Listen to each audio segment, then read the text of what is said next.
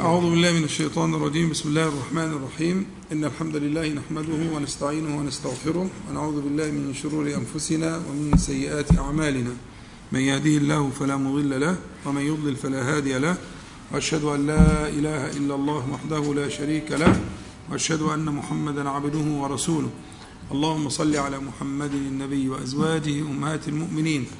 وذريته وأهل بيته كما صليت على آل إبراهيم إنك حميد مجيد. أما بعد فبدأنا في سورة البروج.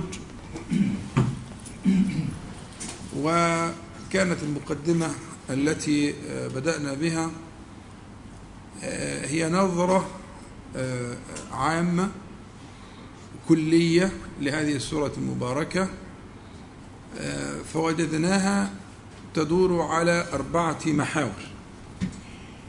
المحور الأول من السورة المباركة هو محور القسم. ثم جاء بعد ذلك المحور الثاني للسورة وهو محور ذكر قصة أصحاب الأخدود. أما المحور الثالث فكان مجموعة من الأسماء والصفات لله تبارك وتعالى جمعت بترتيب معجز بديع توالت.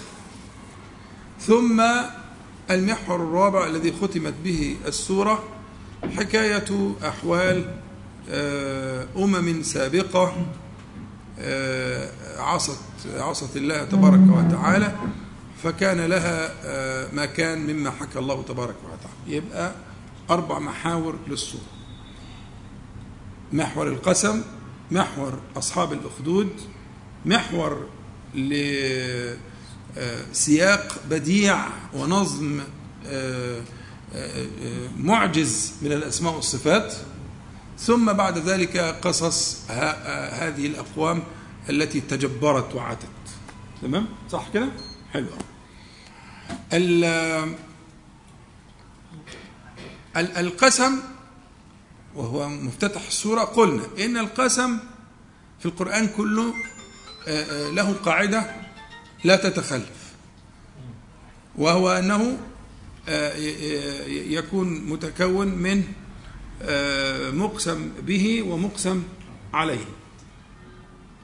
وأن ثم تناسبا بين المقسم به والمقسم عليه في القرآن كله. وهذا من من من أبدع ما يكون ومن أجمل ما يكون أن تفتش عن وجه المناسبة بين المقسم به والمقسم عليه في القرآن الكريم.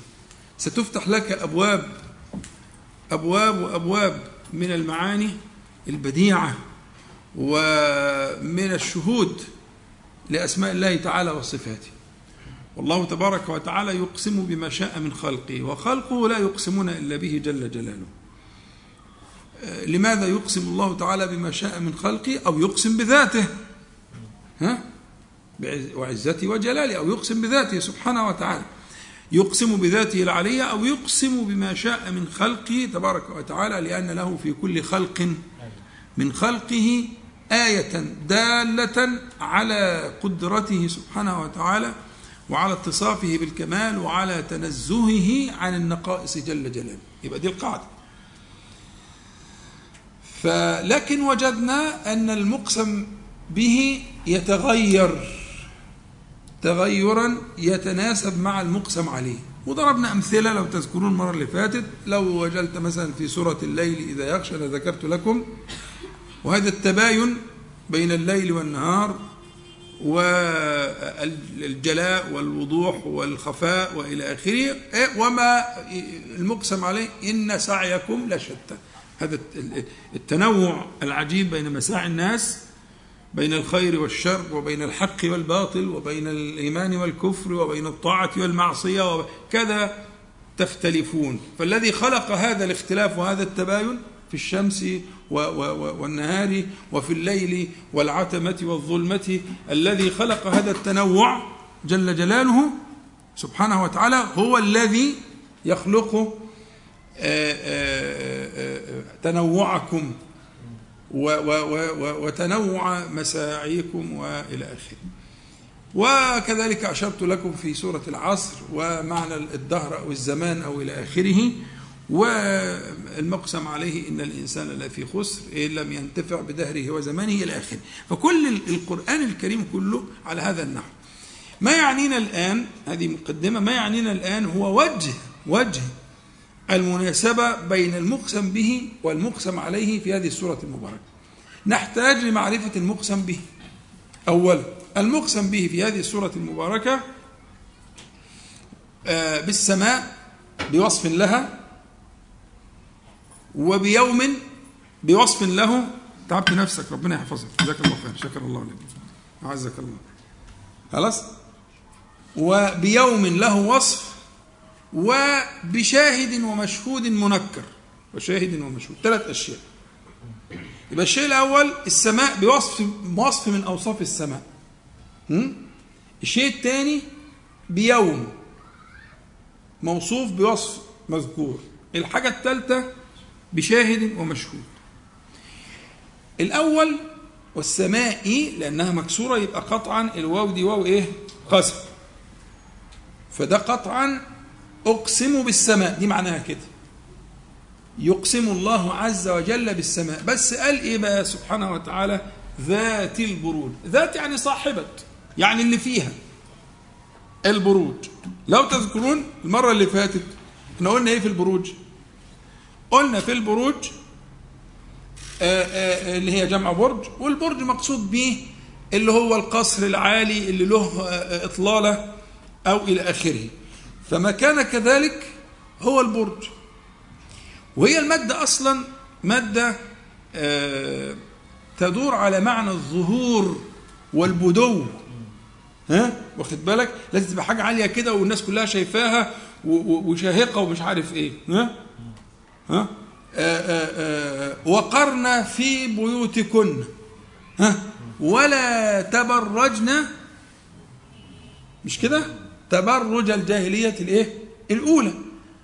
أهي نفس الماده التبرج هي نفس الماده هي ماده إيه؟ ماده ظهور ووضوح وعدم خفاء ومش عارف إيه وبتاع. يعني الحاجات الجميلة اللي ربنا اداها لك ما تعرضهاش لل تبقاش ظاهرة بادية. ها؟ استوري. النعمة دي عشان ربنا يبارك لك فيها. ولا تبرجنا. يبقى التبرج معناه ال ال أن يكون متاحا لأن يراه كل أحد. لأن البرج لا يخفى. برج القاهرة في أي حتة تشوفه. البرج بتاع الساعة في الحرم الشريف من قبل ما تخش مكة أنت بتشوفه. وإن ما كانش كده ما اسموش برج. يعني كلمة البروج والبرج هي مدارها على المعنى ده. طيب إيه البروج اللي في السماء؟ قلنا إن البروج اللي في السماء المرة اللي فاتت هي المنازل المعلمة في السماء التي تنزلها الشمس. وهم 12 منزل. في 12 شهر الشمس الشمسية. مظبوط؟ عليكم السلام ورحمة الله فبتنزل كده الشمس في منزل كل شهر من هذه الشهور. خلاص؟ اللي هو شهر سواء بنسميه باليناير ولا تموز يوليا ولا مش المهم يعني تنزل كده في كل شهر وبعدين تروح منقولة وتروح منقولة الشمس بتتحرك على مدار الإيه؟ على مدار السنة من أقصى الشرق إلى أقصى الشرق ومن أقصى الغرب إلى أقصى الغرب فلها مشارق ولها مغارب. مشارق ومغارب في الشتاء وفي الصيف وشرحت لكم أنا رب المشرقين ورب المشارق فاكرين الكلام ده؟ حلو قوي ده تمهيد لكن هو مش ده المقصود. المقصود أن هذه الشمس ها تنزل في بروجها نزولا قهريا لا يتخلف وأن هذا الكون مقهور مربوب بأمر ربه تبارك وتعالى ولا يتخلف ولا يتقدم ولا يتأخر. يبقى ذات البروج ذات المنازل السماء ذات المنازل المنازل الثابتة القطعية التي لا تتقدم ولا تتأخر فإذا كانت الشمس مقهورة ضرب المثل هنا بالأعظم حاجة أعظم ما تدركه أنت بعينك ها؟ أعظم ما تدركه أنت بعينك في هذا الكون السماء فهذه السماء فيها البروج فيها المنازل الثابتة التي تعلمونها أنتم وتقيمون عليها الحساب والمعاملات وإلى آخره ها؟ هذه الشمس وهذا الكون مقهور مربوب له بروج معلومة لا يتعداها وقلنا بقى حكاية البروج والحمل والعذراء. ارجعوا بقى للتسجيل اللي فات. تعرفوا القصة دي إن هو بيبقى فيه مجموعة نجوم بالليل بتظهر في المكان ده أوحت لهم بالشكل كده شكلها زي الميزان والعقرب والبتاع والكلام ده. كل ده كلامه وقلت لكم إن ده علمين في علم صالح نافع اللي هو علم التسيير. كما هو في سورة النحل مثل وعلامات وبالناجم هم يهتدون. حلو قوي لكن هذا العلم يقابله علم اسمه علم التأثير. ده حرام كفر. كفر. إن هذه المنازل واللي بيقع في شهر كذا يبقى كذا واللي مواليد الجوزاء أصل بيبقى طبعه كذا وبخته كذا وحظه كذا والى آخره. ده اسمه علم التأثير. وده علم علم كفر. يحذر منه. وده اللي بيبقى موجود في الجرايد وفي البتاع وحظك اليوم وانت شوف برجك إيه والكلام ده كلام ده كلام فاضي. لكن فعلا في ابراج أي نعم في أبراج إيه؟ اللي هي اللي هي منازل الشمس. الأبراج هي منازل الشمس على مدار الليل والنهار. أنا بعيد. ها؟ عشان في بعض الإخوة كده إيه؟ ما كانوش منورينا الأسبوع اللي فات.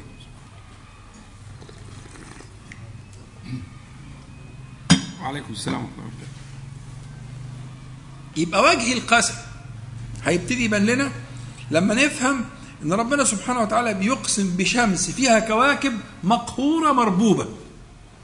لا تقدم ولا تأخر. طيب حطينا دي على جنب. ال- ال- ال- الثاني المقسم به الثاني. إيه يا عم موسى؟ ما تسيبوني على موسى وأنا مش أنا مش لا أنا حافظ هو حافظ بس أنا يعني ما دي مشكلتي إن أنا بلقط اللي هو مسافر ده. اللي مسافر بقى. يا هندسه مش كده لا ما ينفعش. ما أنا ممكن أدور الكرسي كده برضه.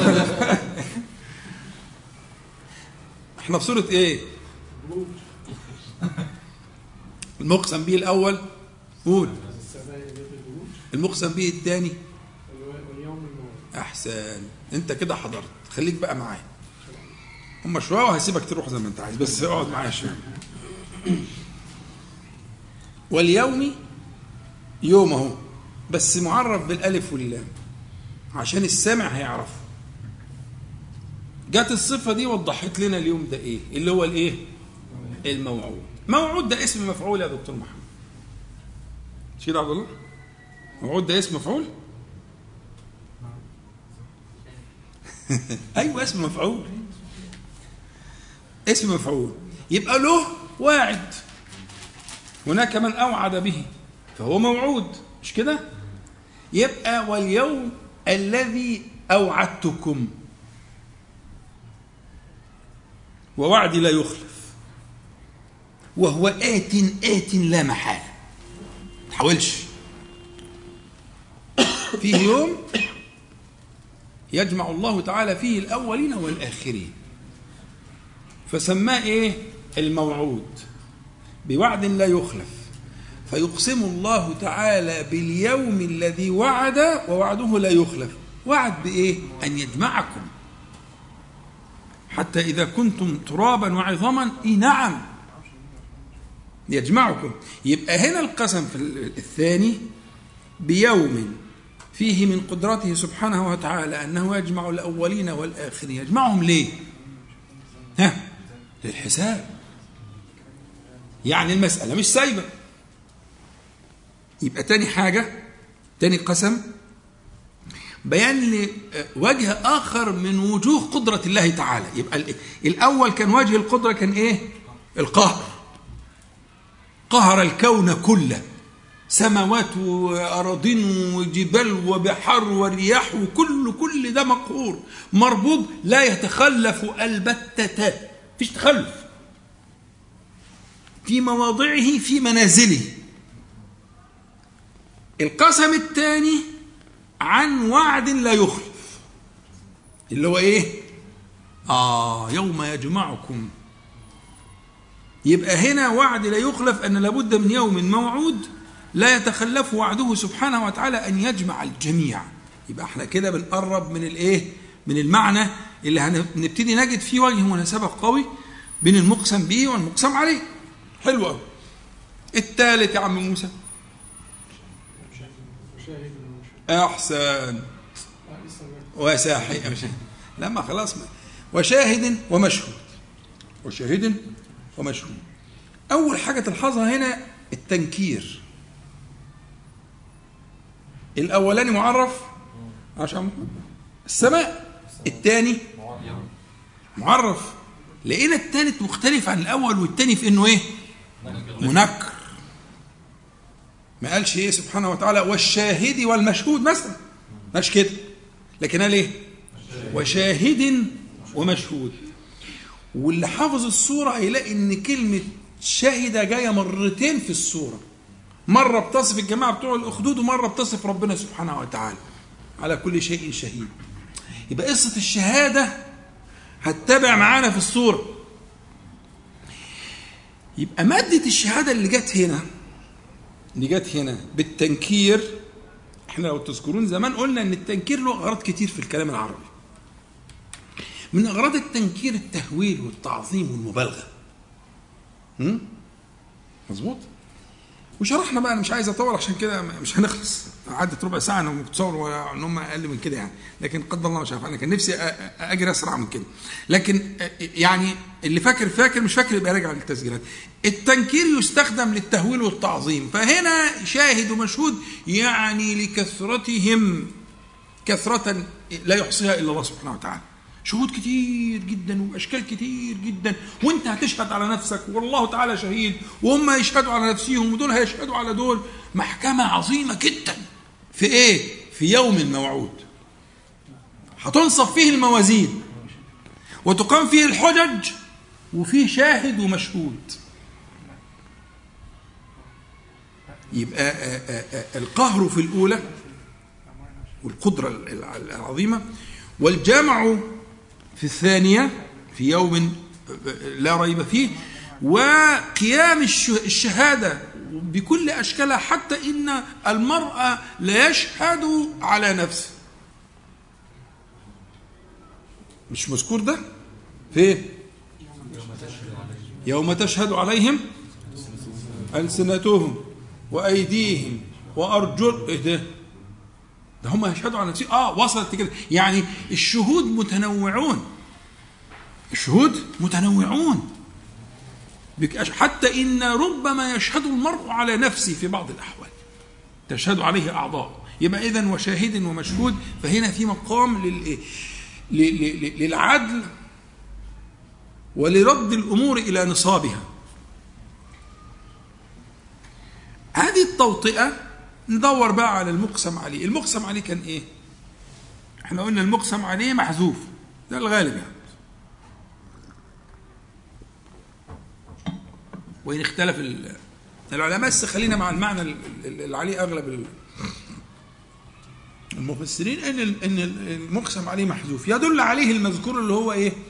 قتل أصحاب الأخدود. قتل هنا يعني بمعنى إيه؟ جملة دعائية. يعني لعنوا طردوا من رحمة الله تعالى أهلكوا إلى آخره. فكأن القسم الله تعالى يقسم بما شاء من خلقه آه لأطردنهم من رحمتي لا أعذبنهم لأنتقمن منهم. هي دي معناها كده. ما هي قتل معناها كده. وإن جاءت على شكل الخبر لكن هي معناها كده. هي جواب جواب القسم. يبقى القسم كان مشتمل على المعاني المتقدمة والمقسم عليه ما سيكون من انتقام الله تعالى للإيه؟ من انتقام الله تعالى من هؤلاء الإيه؟ المذكورين هم أصحاب الأخدود. ثم جاءت قصة أصحاب الأخدود وإحنا وأنا شرحتها وجبت الحديث وقرينا حديث صهيب هو اصله موجود في مسلم وفي غيره وإن كان مسلم لم يصرح إن هو اللي موجود في سورة البروج ولكن الإمام الترمذي زي ما قلت لكم ذكروا في تفسير سورة البروج في سنن الترمذي.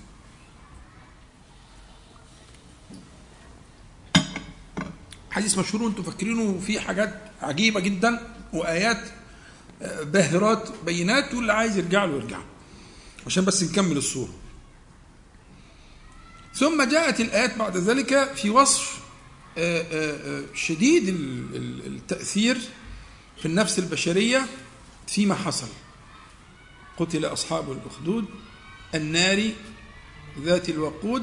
يعني النار في الأخدود عشان كده مجرور بيسموه بدل اشتمال يعني النار الموضوعه جوه الأخدود آه، آه، مشتعلة وش- وشديدة. آه، إذ هم عليها قعود. في اختلاف لكن هو الغالب في المفسرين إن المجرمين دول قاعدين على هذه الأخاديد يرون هذا المنظر وده يبين لك قد ك- كيف صارت هذه القلوب منزوعه الرحمة. و و و و ولا شفقة فيها ولا شيء فيها. برضو تمهيد عشان نبلغ الوصف اللي استحقوا عليه المتقدم المقسم عليه اللي هو إيه؟ قتل. الطرد من رحمة الله تعالى. اللعن الحرمان إن خلق بالشكل ده. هم عليها قعود. وهم على ما يفعلون بالمؤمنين ها؟ أهدي أول بقى ما, وشاهد ومشهود والتنكير عشان التنوع وعشان يشمل كل ما هو في معنى الشهادة. وشاهد ومشهود؟ آه. وهم على ما يفعلون بالمؤمنين شهود. وبعدين وما نقموا منهم إلا أن يؤمنوا بالله العزيز الحميد. يعني ليس لهم آه، يعني منازعات فيما بينهم ولا ثأر ولا ولا إلى آخره إن الخلاف كله على قضية واحدة قضية الإيه؟ الإيمان بس الأسماء المختارة هنا لها دلالة أسماء الله تعالى المختارة هنا لها دلالة إيه هي؟ ها؟ بالله العزيز الحميد ليه الاسمين دول؟ يعني اولا إحنا بنتكلم في ناس بيتحرقوا لأنهم قالوا لا إله إلا الله. فقط لا غير. ما لهمش ذنب تاني خالص. فاكرين؟ قالوا مش هيك الا تمسكت السهم وقلت بسم الله رب الغلام. فدخل في صدره. فمات بعد ما حاول يموته. كل مرة رجع له. ها؟ فقال له فلما قال كده الناس كلها أمنت. أمنت القرية كلها. فالناس دي ملهاش ذنب خالص غير إنها لا قالت لا إله إلا الله. فناس بتتحرق. والموت بالحرق من ابشع الصور. من ابشع الصور ما بيموتش على طول. ما بيموتش على طول. فصورة بشعة جدا مؤلمة جدا غير إنسانية البتة. ها؟ وبعدين آآ آآ آآ إلا أن يؤمنوا بالله العزيز الحميد. طب ال- العزة العزة معناها إيه؟ في, في كلام العرب العزة معناها إيه؟ معناها المنعة. العزه معناها المنعه ف آه، آه، في- جناب الله تعالى معناها أنه سبحانه وتعالى آه، في عزة لا ترام لا تبلغ. طب هي دي مناسبة للحال ده؟ حال المؤمنين اللي بي بي بي بي بي بي دول تولع فيهم. يعني دول عباد العزيز. هؤلاء هم المؤمنون بالعزيز. وللشيطان أن يقول لهم أين عزته؟ أمنتم بالعزيز؟ وتبذلون أرواحكم؟ وتحرقون؟ ها؟ يبقى هنا المجيء بهذا الاسم من أسماء الله تعالى الحسنى? له غرض التنبيه أن عزة الله تبارك وتعالى لا ترام وفعله فعل الحكيم فعل الحكيم المتصف بأنه العزيز وأن هؤلاء لا يغلبونه أبدا هؤلاء الكفار وأمثالهم فالعزيز لا يغلب وما ترونه ليس غلبا اللي أنتم شايفينه ده ليس غلبا للكفار وليس غلبا لهؤلاء المجرمين لأنه هو العزيز. طب والحميد؟ الحميد لو فاكرين لما كنا بنقول في الصلاة على النبي عليه الصلاة والسلام حد يساعدني؟ قلنا إيه، ليه ليه ليه- معنى الحميد في إنك حميد مجيد؟ حد فاكر؟ وله الأجر والثواب. أو ممكن دكتور أيمن يبقى يزود له في في العطاء شوية. مكافأة. محمد يوسف مش موجود. محمد يوسف ربنا يجيبه بالسلام ها اسم الله تعالى الحميد. اتفضل. أفعاله سبحانه وتعالى تستحق الحمد. أحسنت. وضح شوية. يعني ربنا عز وجل من إنعامه وكرمه يستحق الحمد على كل شيء. تمام. عايزك يعني تلقط الخط شوية إحنا قلنا ان إن حميد دي على وزن فعيل وفعيل في الكلام العرب تأتي بمعنى فاعل وتأتي بمعنى مفعول. وهي أغلبها في صفات الله تعالى بمعنى فاعل. سميع وبصير وقدير كلها فعيل بمعنى إيه؟ ودي صيغة من صيغ المبالغة. يعني عظيم السمع عظيم البصر عظيم القدرة في سميع وبصير وقدير. ماشي؟ لكن أحيانا بتيجي بمعنى مفعول. زي قتيل. قتيل فعيل بس بمعنى إيه؟ مفعول مقتول يعني. حلو جميل. هنا في اسم الله تعالى الحميد فعيل بمعنى مفعول. فعيل بمعنى مفعول. بس إيه الفرق بين حميد ومحمود؟ أنا قايلها والله اللي هيرجع للتسجيلات هيلاقيها. إيه الفرق بين حميد ومحمود؟ ليه ربنا سبحانه وتعالى ما يتسماش محمود؟ وسمي الحميد. ليه؟ إيه الفرق بين الاثنين طبعا في شرح طويل شرحته هناك هترجعوا له في الاشتقاق وان ال- ال- ال- المادة بتاعت حميد غير محمود لكن في النهاية المحمود يحمد على آه، على إحسان أو على فعل أو على معروف أداة لكن الحميد يحمد لذاته ويحمد لإنعامه. فالحميد ها، استحق الحمد من وجهين الوجه الأول أنه استحقه لذاته سبحانه وتعالى لاتصافه بالكمال وتنزهه عن النقص. دي حاجة. ثم استحق الحمد لإنعامه وإفضاله. ودي المحمود. فمحمود هي نص حميد. محمود؟ آه. لا توفي المعنيين. أما الذي يوفى المعنى فحميد بمعنى أنه استحق الحمد لذاته جل جلاله لاتصافه بالكمال وتنزهه إيه؟ عن النقص. ربنا محمود لذاته. فهو الحميد. ثم هو محمود لإنعامه لأنه تفضل وأنعم وأوجد من العدم ورزق إلى آخره. يبقى عندنا هنا اسمين من أسماء الله تعالى.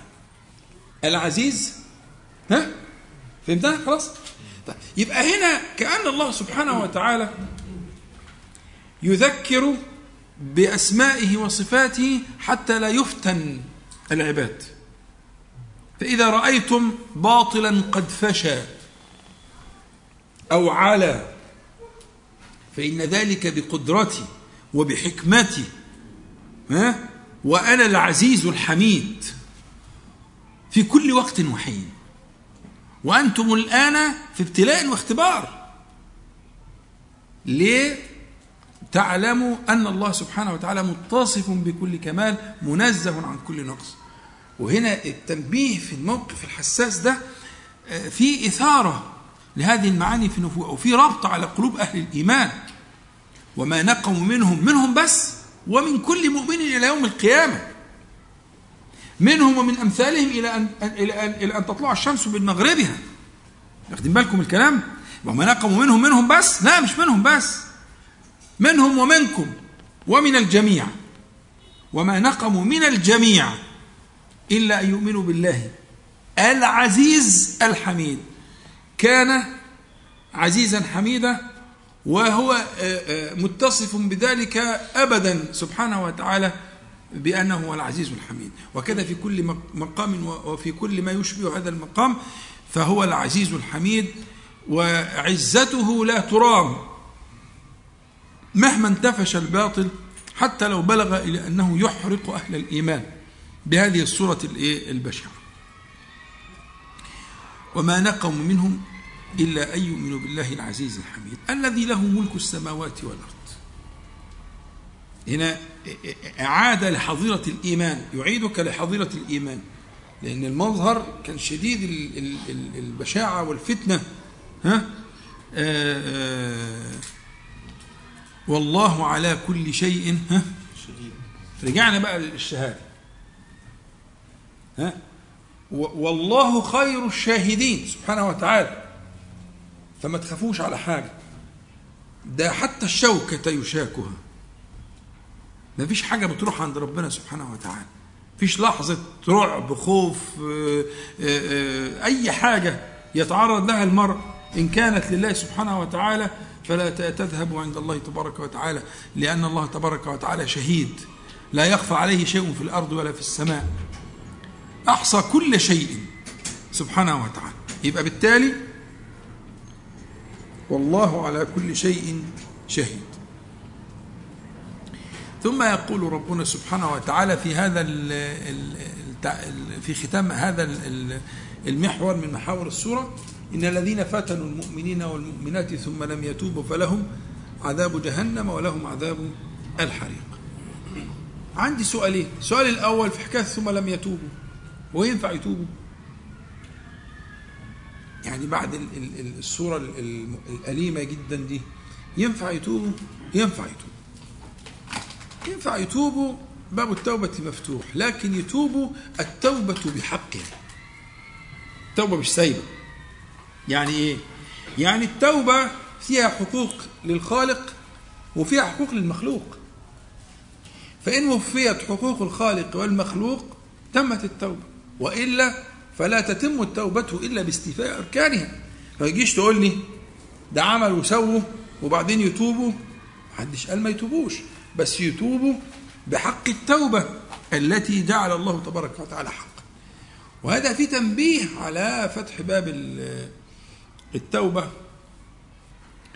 ل- ل- ل- لكل عباد الله تعالى مهما فعلوا فالباب مفتوح. لكن التوبة بحقها وحقوق العباد آه، آه، محفوظة بحفظ الله تبارك وتعالى لا تضيع أبدا السؤال الثاني آه، في قوله تعالى فلهم عذاب جهنم ولهم عذاب الحريق. هو في اختلاف بين الاثنين.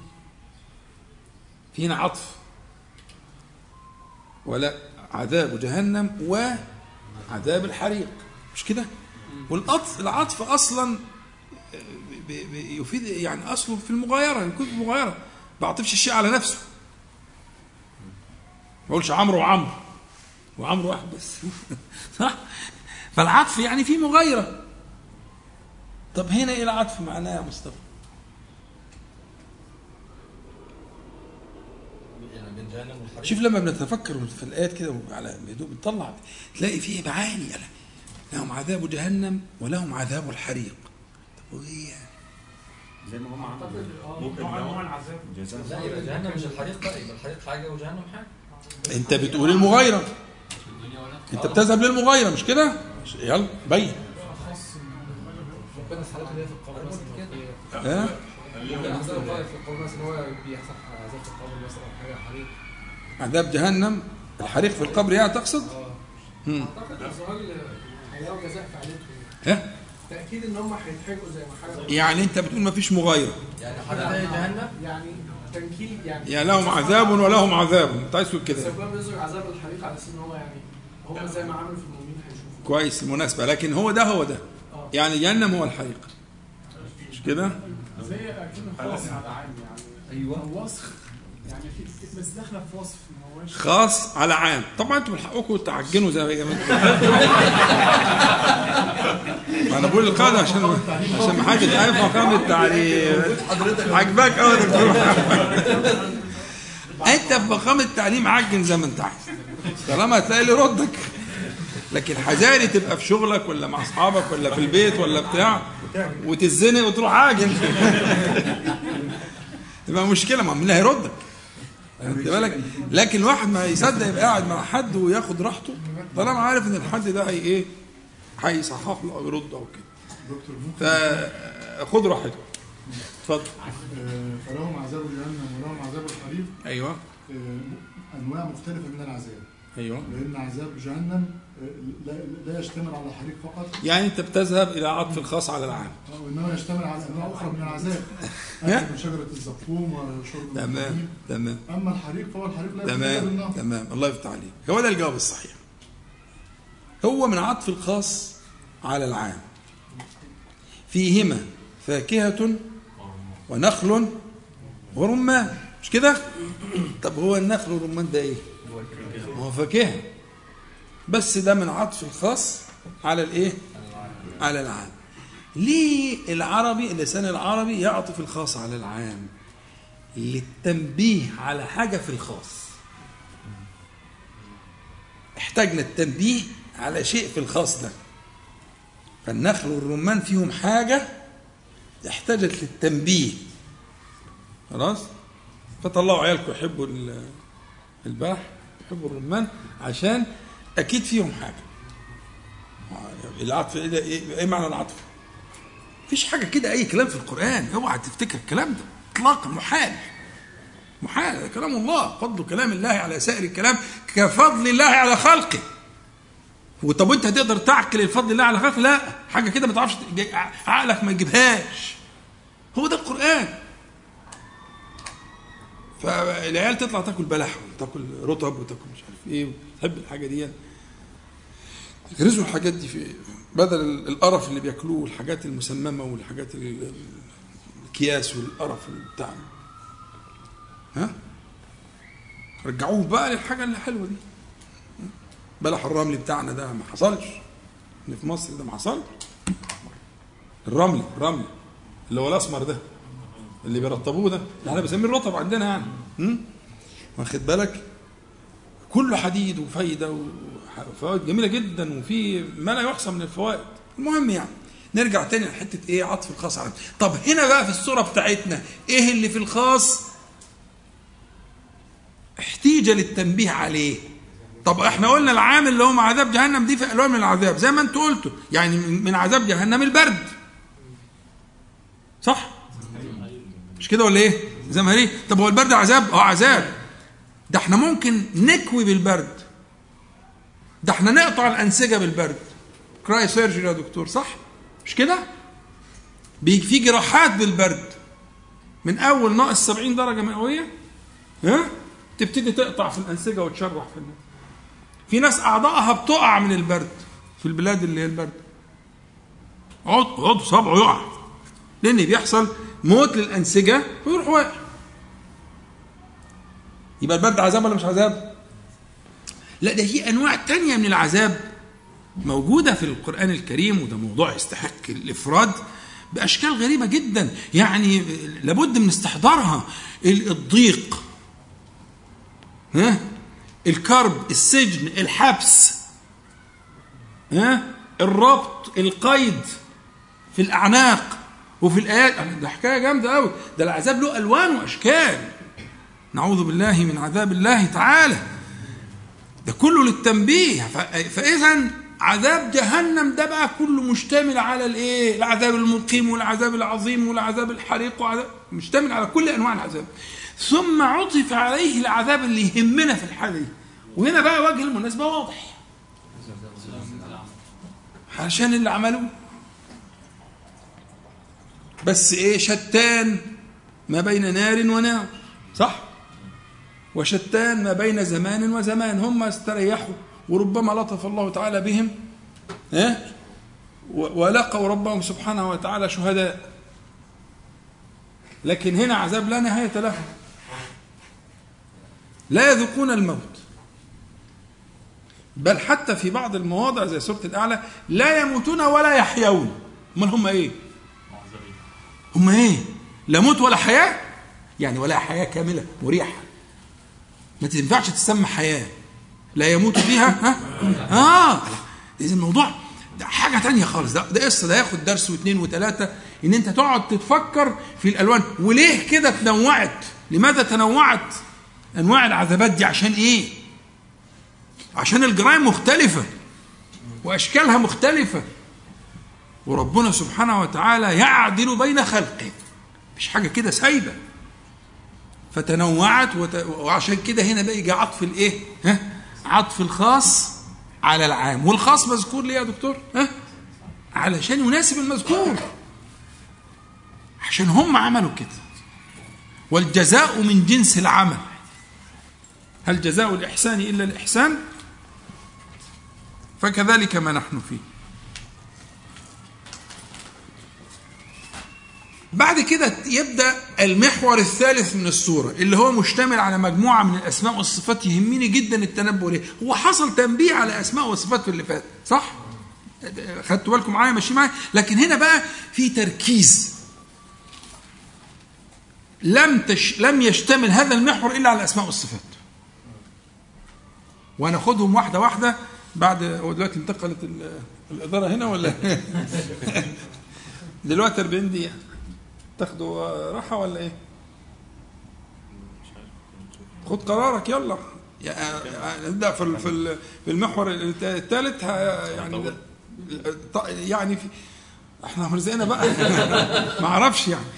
اللي هو من قوله تعالى إن بطش ربك لشديد. هم مجموعة آيات ما فيهاش غير أسماء وصفات. بس. فانا عايز أفهم دي جت هنا ليه؟ وإيه علاقتها بالسياق اللي إحنا فيه؟ عشان بعد كده هل أتاك حديث الجنود. اللي بتتختم بها السوره فعندي أربع آيات ورا بعض. أسماء وصفات أسماء وصفات أسماء وصفات. هل أتاك؟ هل أتاك؟ بعد الأسماء والصفات دي. تمام؟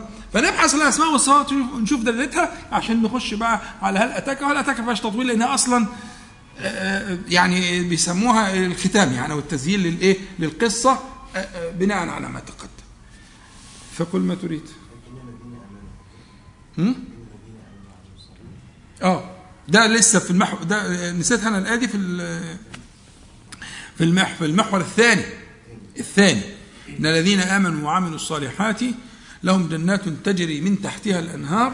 ذلك الفوز الكبير. دي طريقة القرآن الكريم في القرآن كله. اللي هي قاعدة بيسموها والضد يظهر حسنه الضد. عايز تشوف نقطة سودة حطها على خلفية بيضة. خلاص هات جلابية بيضة كده حطها تبان السودة تتضح سوادها يتضح وحجمها يتضح ولونها يتضح.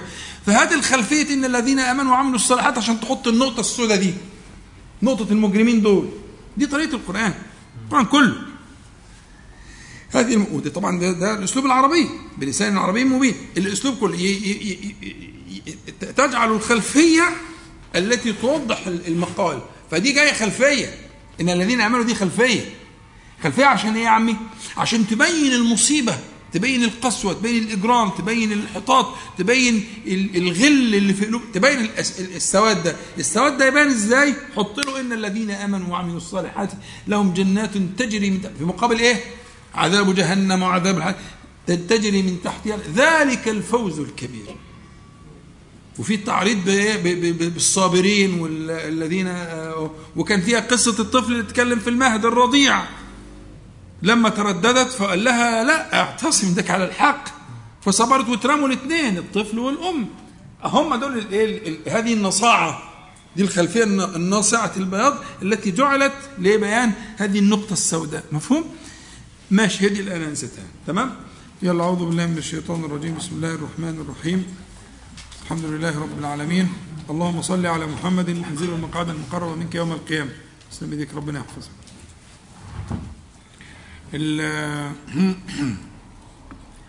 انتهينا إلى المحور الرابع من محاور السورة المباركة.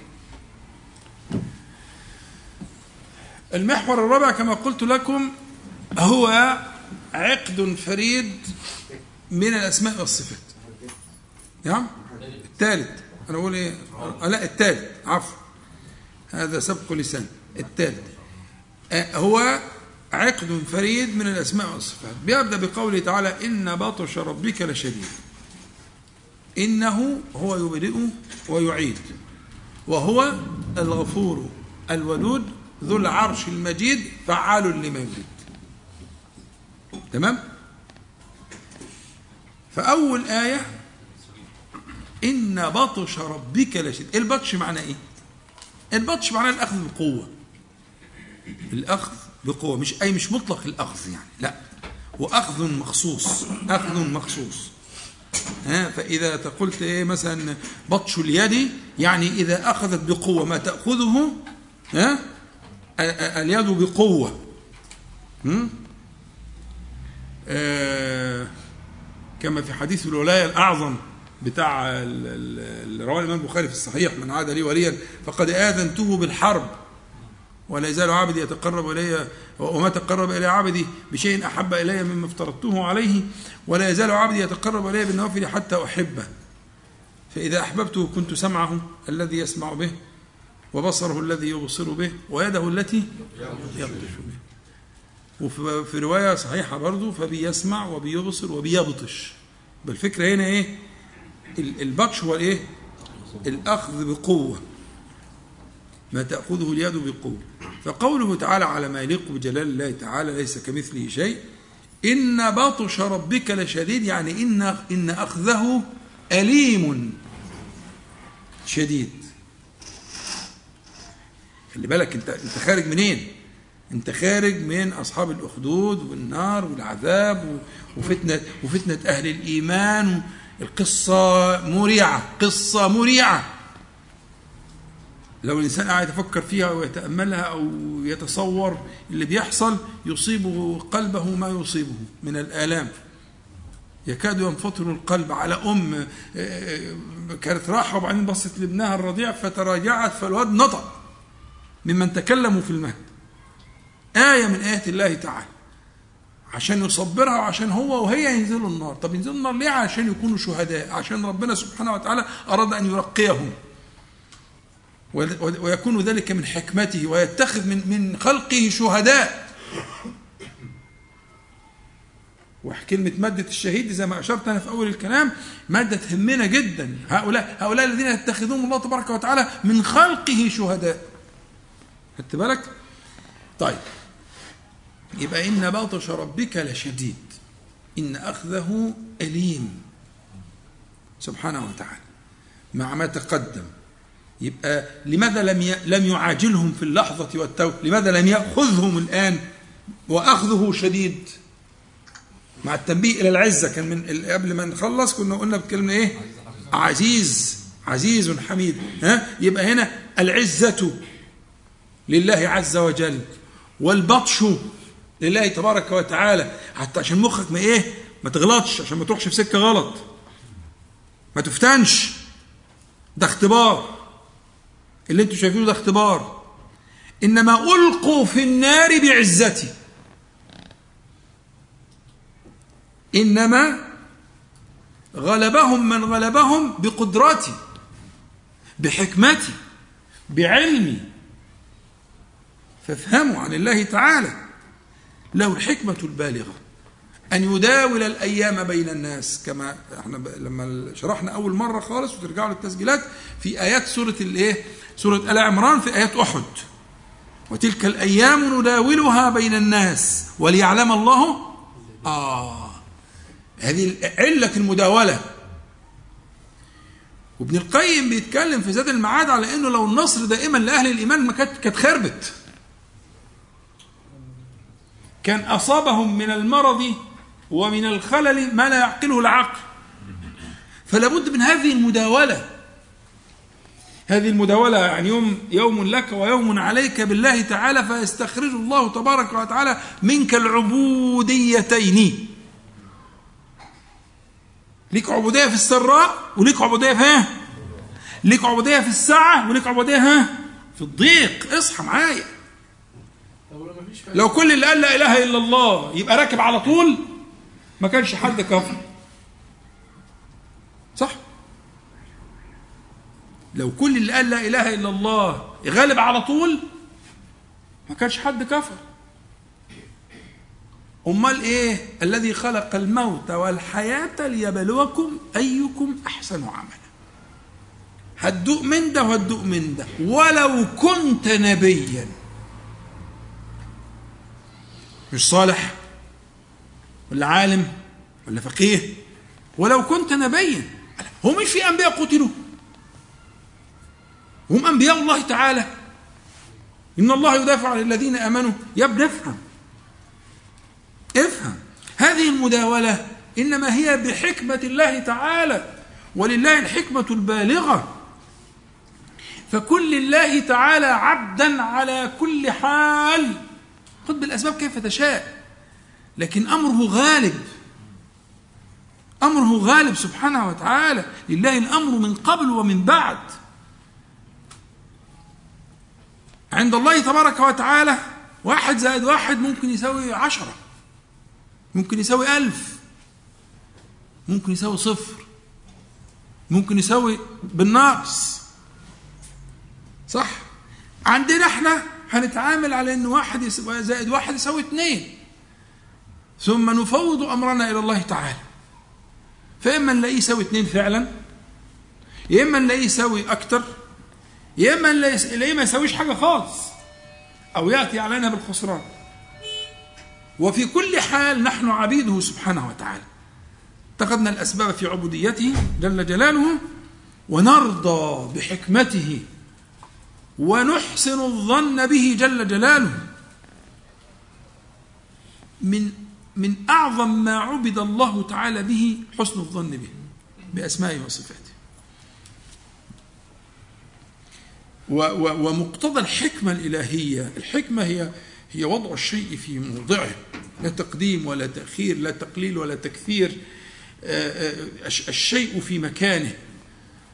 ف آه، هخرج سنة صغيرة كده بعد إذنك يعني بس مضطر. إحنا ال ال الكون كله مقهور مربوب لا اختيار له صح؟ اللي هي المذكور في آخر سورة الأحزاب. إن عرضنا الأمانة على السماوات والأرض والجبال فابين أن يحملناه مش كده وبس ها وأشفقنا منها. أمانة الاختيار أمانة التكليف صح؟ حلو قوي يبقى الكون كله الكون كله مقهور مشلوش اختيار ما فيش تكليف. صح؟ هذه المخلوقات الجبارة العملاقة اللي الإنسان جنبها ولا حاجة. لخلق السماوات والأرض مش كده؟ حلو قوي هذه المخلوقات لا اختيار لها. نيجي بقى للمكلفين الإنس والجن. هنلاقي لهم في منطقة من الاختيار. في منطقة من الاختيار. أنا بقول منطقة ليه؟ عشان عايز أقول لك قبل ما تلحق تقول لي مخير ومسير وتتوه نفسك أقول لك إن أنت مشترك مع هذه الكائنات في جزء كبير لا اختيار لك فيه. صلوا على النبي. اللي أنا هقوله ده دقيق وعايز تركيز. اللي هيسافر ماشي يا موسى؟ هيخسر كتير عشان تنتبهوا معايا. البني آدم الإنسان المكلف وكذا الجن المكلفون؟ الفكرة إن هم يشتركون مع هذا الكون في مقدار ليس بالقليل فيما هم فيه مقهورون. يعني أنت اخترت أبوك؟ اخترت لونك اخترت ملكاتك وإمكانياتك. الحاجات دي انت مقهور فيها لا اختيار لك فيها. فلو فكرت في مساحة الأشياء اللي انت مقهور فيها لا اختيار لك فيها هتلاقيها مساحة كبيرة. ليست بالصغير. الصحة العافية الزوجة الولد المال الرزق إيه ده؟ ده الموضوع واسع. منطقة كبيرة. لما الواحد يتأمل يجد إن المنطقة دي منطقة ليست بالقليلة. بس اصحى بقى معايا. إنه هو الحكيم العليم سبحانه وتعالى. فحكمته أنه سبحانه وتعالى جعل كل شيء في محل في مكان في موضعه. لا تقديم ولا تأخير. لا تقليل ولا تكثير بمعنى إن أنت أنسب حاجة ليك هو اختيار الله تعالى لك في لونك في أهلك في بيتك في والدك في نسبك في مالك في صحتك في عافيتك في رزقك في, في كل ذلك. هو اختيار الله تعالى لك الذي خرج من مشكاة الحكمة والعلم الحكمة البالغة والعلم المحيط. وبالتالي أنت عليك أنك تقبل ما جبلك عليه سبحانه وتعالى برضا وحسن ظن بالله تبارك وتعالى. ولذلك ما فيش واحد هيتحاسب زي التاني. ليه؟ ها؟ عشان ما فيش واحد زي التاني. باختصار العلم أثبت كده. ما فيش اتنين ريحتهم زي بعض. ما فيش اتنين جلدهم زي بعض. ما فيش اتنين عينيهم زي بعض. ما فيش اتنين جسمهم زي بعض نسيجهم زي بعض ال DNA زي بعض. ما فيش اتنين في المليارات دي كلها ident متطابقين. ولا اتنين ولا اتنين. ولو كانوا اللي هم بيسموه التوأم ال identic twins اللي هو التوأم المتوافق أو المتماثل وحتى دول إيه الحكاية؟ ما فيش اتنين زي بعض. يبقى إزاي اتنين يطلعوا على كفة الميزان مع بعض؟ أصل الكفة التانية هيكون فيها إيه؟ اللي اداهولك ما أعطاك. وهيحاسبك عليه. واحد واحد. وكلهم آتيه يوم القيامة ها فردا. كل واحد تطلع على الميزان لوحده. باللي اداهوله. ولا يعلم ذلك ولا يحصيه إلا الله سبحانه وتعالى. باللي اداهوله قهرا وجبرا. باللي اداهوله اختيارا. بكل حاجة. يعني انت هتتحاسب زي والدك؟ محال هو اللي اداهولك زي اللي اداهوله. محال فدي منطقة مش بتاعتك. المنطقة دي هي منطقة التأمل والتفكر ثم ربما الشهود للأسماء والصفات. اسماء الله تعالى وصفاته. كاسم الله تعالى الحكيم. واسم الله تعالى العليم.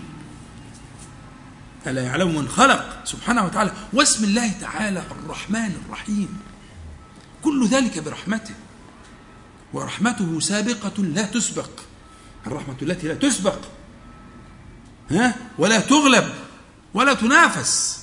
أي صفة هتتنافس وتتسابق على مقتضى أو على محل مع صفة الرحمة فالرحمة سابقة. كتب على نفسه الرحمة كما في القرآن. سبقت رحمة غضب كما في الحديث. مقطوع بها. فعندنا صفات العلم والحكمة والرحمة وصفات اللطف أنه يصنع ذلك كله بلطف بلطف خفي. اللطف أصلا معناه الخفاء والدقة. عيش كده مع قصة يوسف عليه السلام قصة اللطف. لو أنت عايز تحط لها عنوان كده قصة اللطف. ها؟ ما فيش نسب أعلى من نسب يوسف في البشرية. في البشرية كلها. نبي ابن نبي ابن نبي ابن أبي الأنبياء. ما فيش حد عنده السلسال ده المتصل. خلاص؟ يترمي ويتبهدل ويتباع ويشترى ويترمي في بيت زبالة الزبالة. هم؟ يوسف أعرض عن هذا واستغفري لذنبك إنك كنت من الخاطئين. يعني رمية سودة. حتى قال رب السجن أحب إلي. السجن مش ممكن يكون كده. خلاص؟ يعني مرمطة المرمطة. مع الكريم ابن الكريم ابن الكريم ابن الكريم. ها؟ هم؟ مش أنا ولا أنت؟ أين كان قلب يوسف في الرحلة دي؟ بتاع 40 سنة كده. أين كان قلبه؟ أين كان ظنه بالله تعالى في الرحلة دي؟ عشان تقول لي آه، آه، أصل آه، العذاب والغلبة والنصر. طب تعالى بقى. للي ما شافش يوم حلو. ما شافش يوم حلو. الأربعين سنة. وبعدين فأنساه الشيطان ذكر ربه فلبث في السجن بضع سنين. بضع دول من ثلاثة لتسعة. في الكلام العام. كده فوق البيعة يعني. يعني كمان فوق البيعة. ده خلاص هيخرج ثلاث تسع ثلاث سنين لتسع سنين كده حبة كده في الزيادة أمال كان الأصل قد إيه؟ ها؟ لغاية لما جاوز. وهو بكده ولا يزال يحسن الظن. وشوف بقى الكلام اللي قاله. يا صاحبي السجن يا أرباب متفرقة الكلام العظيم ده ها؟ وبعدين شوف لي بقى قراءته هو للحدث ده في الآخر. ها؟ وقد أحسن بي. يبقى أول حاجة لا يرى إلا الإحسان. ها؟ إذ أخرجني من السجن. ما شافش الدخول بيشوف الخروج. ما هيفهم بقى شوف القراية الصحيحة شوف الفقه والفهم. طب مش كان في دخول؟ كان في دخول لكن هو بيقول إيه؟ إذ أخرجني من السجن. وجاء بكم من البدو من بعد أن نزغ الشيطان بيني وبين إخواتي ده هم عايزين الحرق سويت نفسك بيهم ولبست الشيطان القضية. ها؟ مش الشيطان طلع هو اللي غلطان؟ طب وهم؟ لما قعدوا اقتلوا قالوا اقتلوا يوسف. أو اطرحوه ارضا يخلو لكم وجه أبيكم. يعني عايزين مجرمين. العصابة دي من بعد أن نزغ الشيطان بيني وبين إخواتي. خلي بالك بقى إن رب ها لطيف. بس لطيف ما بتتعداش باللام لطيف لما يشاء. لا. لطف بتتعدى بالباء. يبقى في فعل تاني هنا بيسموه التضمين. يعني إن ربي فعال لما يريد بلطفه. لطيف. لما؟ لا مش اللام دي مش بتاعت لطيف. اللام دي بتاعت إيه؟ بتاعت فعال. أمره نافذ. فعال لما يريد ولكن إيه؟ بلطف. دي لطيف لما يشاء. إن ربي لطيف لما يشاء. خلاص؟ وبرضه في كان في تضمين أبي وقد أحسن بي. هي أحسن اليه هي أحسن اليه أمال التي تناسبها إيه؟ ها؟ لا. الله يفتح عليك. وقد. وقد أحسن إلي بلطف. ده اللطف في الأولى والثانيه وقد أحسن بي هي فيها لطفه عشان الباء أصل أحسن إلى. مش أحسن بي. الباء هنا؟ الباء هنا بتنادي على اللطف. يبقى إحسانه كان بلطف كان بخفاء. مش الإحسان الظاهر يعني. مش الإكرام اللي عمله لكم الدكتور أيمن. ده اسمه إحسان ظاهر. لكن في إكرام وفي إحسان باللطف بالخفاء. بما لا يدركه إلا أهل التأمل والتفكر والتدبر وشهود الأسماء والصفات. وقد أحسن بي. يعني أحسن إلي بلطف. خلاص؟ إن ربي في الآخر برضه دي أول الآية وفي آخر الآية إن ربي ها لطيف لي. يبقى فعال لي. بلطف. الآية أولها لطف وأخرها إيه؟ الله فلو عايز تحط عنوان لقصة يوسف عليه السلام مسلسل الألطاف الإلهية. أنا اللي يهمني إيه بقى عشان حضراتكم؟ عشان أنتوا إيه شايلين مني باين عليكم?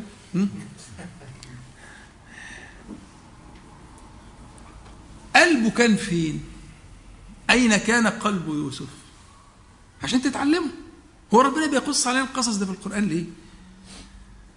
عشان إيه؟ عشان تتعلموا. عشان تستفيدوا وتعتبروا عشان تتأسوا. مش كده ولا إيه؟ حلو قوي أين كان قلب يوسف عليه السلام؟ في المرمطة والبهدلة والذل. أين كان؟ كان في كمال الحسن حسن الظن بالله تعالى. والدليل؟ الآية اللي في الآخر. دي آخر القصة. الآية اللي بقى حكيتها أنا دي آخر القصة. وقد أحسن بي إن ربي لطيف.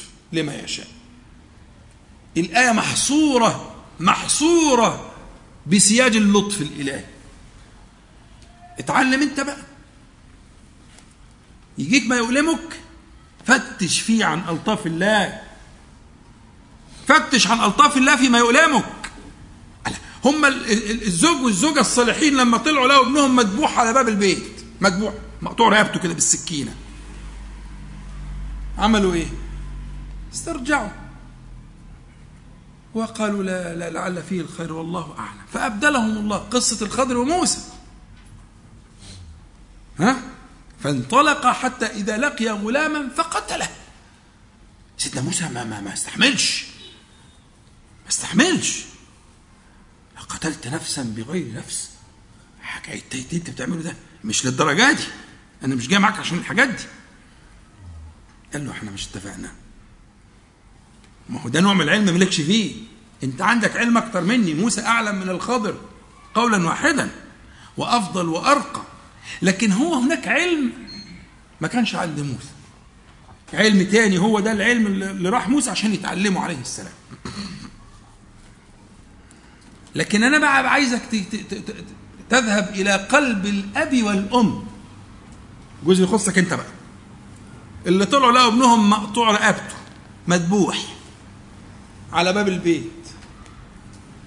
ليه يا رب كده؟ كان إيه ذنب الواد ده؟ ده طفل عمل إيه ده؟ ها؟ عمل؟ أرهقهما طغيانا وكفرا لو كان كمل ما دام ما تعرفوش أنت. ما دام ما تعرفوش أنت. صح؟ عارفين القصة الشهيرة اللي كانت أيام مبارك لما واحدة كانت بقالها 15 سنة ما بتنجبش وبعدين حملت القصة دي مشهورة قوي كانت معروفة يعني. وأيوة وكان هو معدي فعلى 6 كوبري 6 أكتوبر وكانوا موقفين الطريق. فقعدوا نص ساعة الطلق ابتدى يشتد عليها بعد 15 سنة من الحرمان. وبعدين آه، آه، لما الم- الراجل نزل وقعد يحاول مع اللجنة يقول لهم عدوني طب مشوني في المخالف طب هاتوا لي إسعاف طب أي حاجة. أنا بقالي 15 سنة مستني اللحظة دي. تبصوا لي كده ليه؟ مش عارفين القصة دي. قصة شهيرة جدا.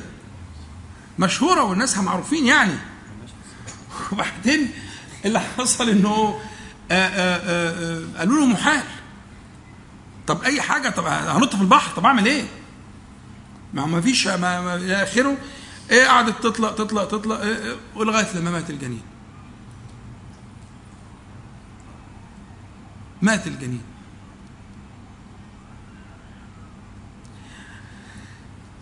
يعني المفروض قلب الشخص ده يكون فين دلوقتي؟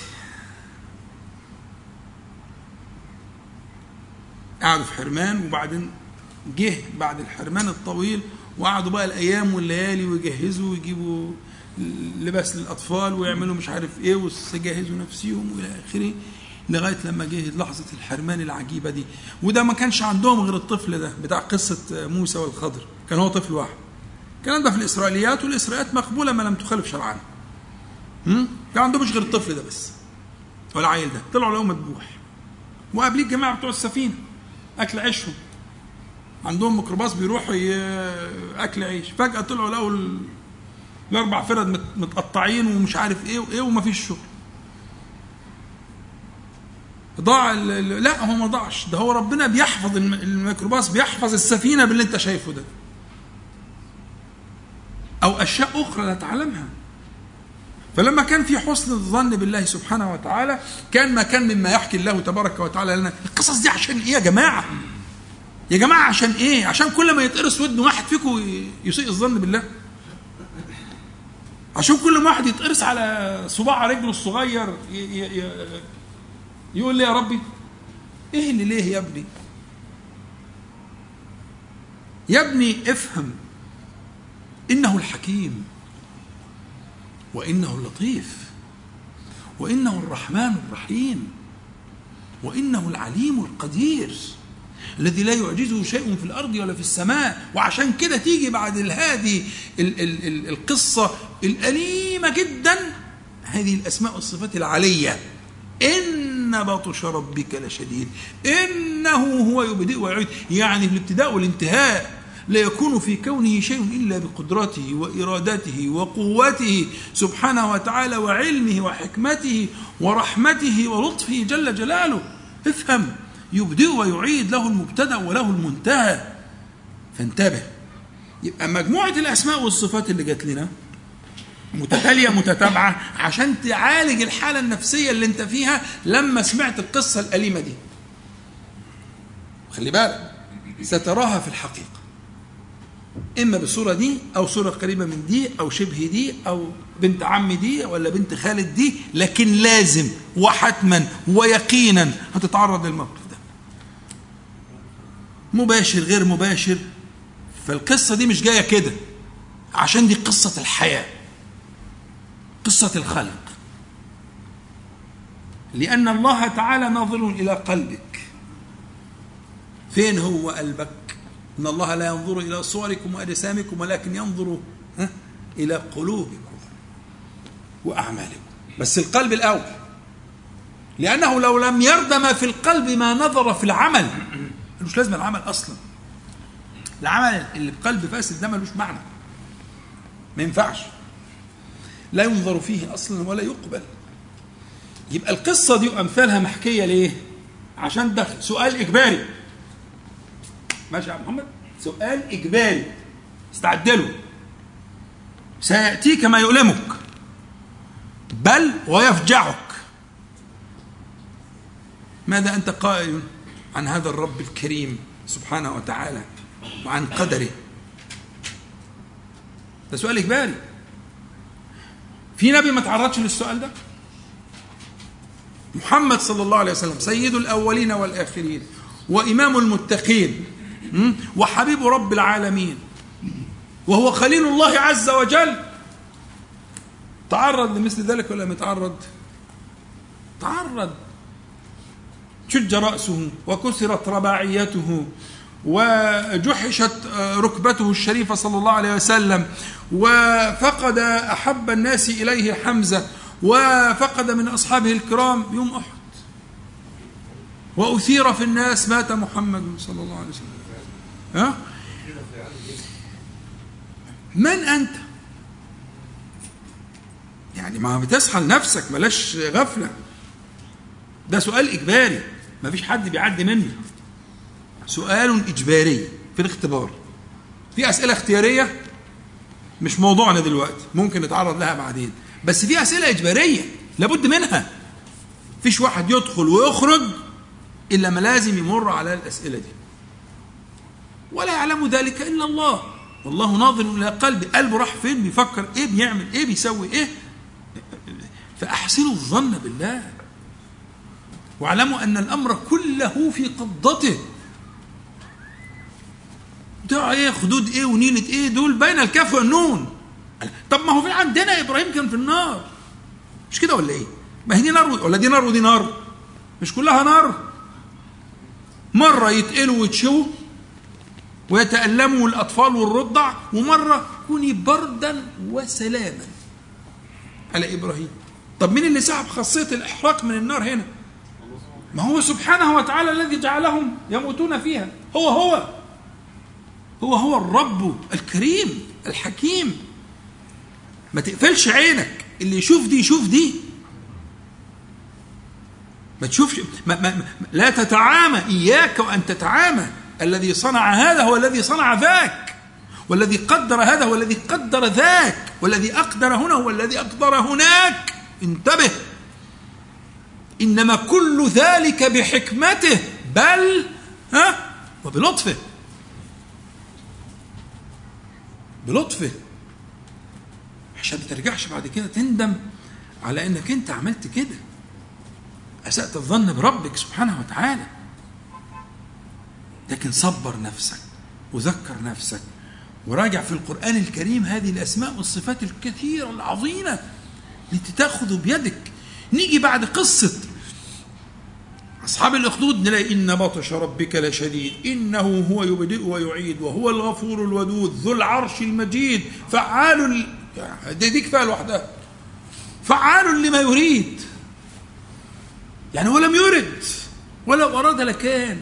اهدى بقى. فكر بقى لماذا لم يرد؟ ما حكمته في ذلك؟ ما الذي يستخرجه من قلوب عباده؟ فكر بقى كده. مش كل ما تتلسع تتصرخ. ده شغل الأطفال. لكن أهل الإيمان يبحثون عن منازل حكمة الله تعالى يشهدون مقتضيات الحكمة الإلهية والرحمة واللطف المعاني دي. وهو الغفور الودود. عارفين الودود يعني إيه؟ الغفور قلناها صح؟ مادة الغفر دي قلناها كتير. مظبوط؟ تشتمل على ثلاث معاني المغفرة بتشتمل على على ثلاث معاني الستر والوقاية والمداواة. وأنتم بقيتوا شاطرين جدا. تمام؟ طب والود؟ الود اللي هو إن الذين آمنوا وعملوا الصالحات سيجعل لهم الرحمن ودا. الود؟ الود اللي هو اصل يعني هنتكلم في أصل المادة وبعدين نتكلم فيما يليق بجلال الله تعالى لأن ما ينفعش يبقى هي هي طبعا. يعني لما نتكلم في العلم وبعدين نقول العليم سبحانه وتعالى يبقى ليس كمثله شيء على ما يليق بجلاله علم يليق بجلاله. لكن العلوم الأخرى ممكن نعرفها ونوضحها ونشرحها وبتاع وكلام من ده زي السمع والبصر والى آخره. تمام؟ القاعدة دي طبعا بينتوا إيه؟ تمام زي الفل. يبقى أنا لما أجي هنا عندي أتكلم في الود. الودود هو الذي يتودد إلى خلقه سبحانه وتعالى. الودود والذي يتودد إلى خلقه جل جلاله بما يليق بإنعامه وإفضاله ورعايته وكلاءته لهم فهو لا يزال يتودد إليهم يبقى يغفر ويتودد. مش يغفر وينتقم مش يغفر ويعاق لا الغفور جاء معها الودود. يغفر يعني يستر يغفر يعني يقي يغفر يعني يداوي اثر المعاصي مش كده وبس؟ ويتودد إليهم بالإنعام والإفضال والرزق والعافية. يعني بياخدك ل- ل- لجنة من الجنان. ربك ربك غفور بالثلاث معاني دول ودود. كمان يعني فوق المغفرة ود يأتيك منه فوق المغفرة ها ود. يأتيك منه فوق المغفرة ود. فده تحنين بيحننك. ده كله إيه؟ عشان الخط الأحمر اللي قلت لك عليه اللي هو سوء الظن بالله تعالى الغفلة. عن حكمة الله تعالى. إياك أن تغفل عن ذلك. خدت بالك؟ وهو الغفور الودود ذو العرش المجيد. المجيد في القراءة المشهورة اللي عندنا بالضم يعني ذو العرش المجيد. يعني المجيد ده اسم من أسماء الله تعالى تمام؟ صاحب العرش؟ عشان نرجعك للملكوت. إحنا كنا في أول السورة في الملكوت السماء. عشان نرجعك للملكوت. ذو العرش. المجيد هو المجيد له المجد سبحانه وتعالى. وفي قراءة صحيحة بالكسر يبقى وصف للعرش. فإذا كان عرشه مجيدا فهو له المجد. يعني إذا وصف خلقا من خلقه بأنه مجيد فخالقه هو له المجد على ما يليق به. والاثنين مع بعض في نفس الاتجاه. يعني المجيد والمجيدي ماشي. الاثنين في نفس الاتجاه ونفس هي إثبات المجد له سبحانه وتعالى. ها؟ وهو صاحب ذو هنا بمعنى صاحب صاحب العرش ها؟ وله المجد كله. فعال لما وده بقى الايه؟ نهاية الايه؟ المجموعة دي من الأسماء والصفات اللي هي تردك علشان ما تنحرفش عشان انت زعلت قوي من حكاية انه سابهم يتحرقوا. انت زعلت. زعلت؟ لا قول بصراحة. مش حد ينباني يا جماعة الشاي برد ده أنتوا حاجة صعبة. ده بتاع دي بتخر ولا إيه؟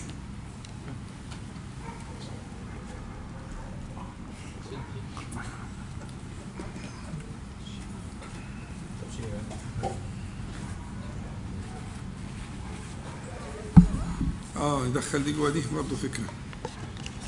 تمام تسلم ايديك. لا قول لي بصراحة انت زعلت؟ يعني تأثرت يعني إن هم اتحرقوا الاطفال والنساء وكده. حرقوهم ومشوا عليهم بالدبابات ومش عارف عملوا فيهم إيه والكلام ده. الحاجات دي ما ألمتكش؟ طيب أين كان قلبك؟ يا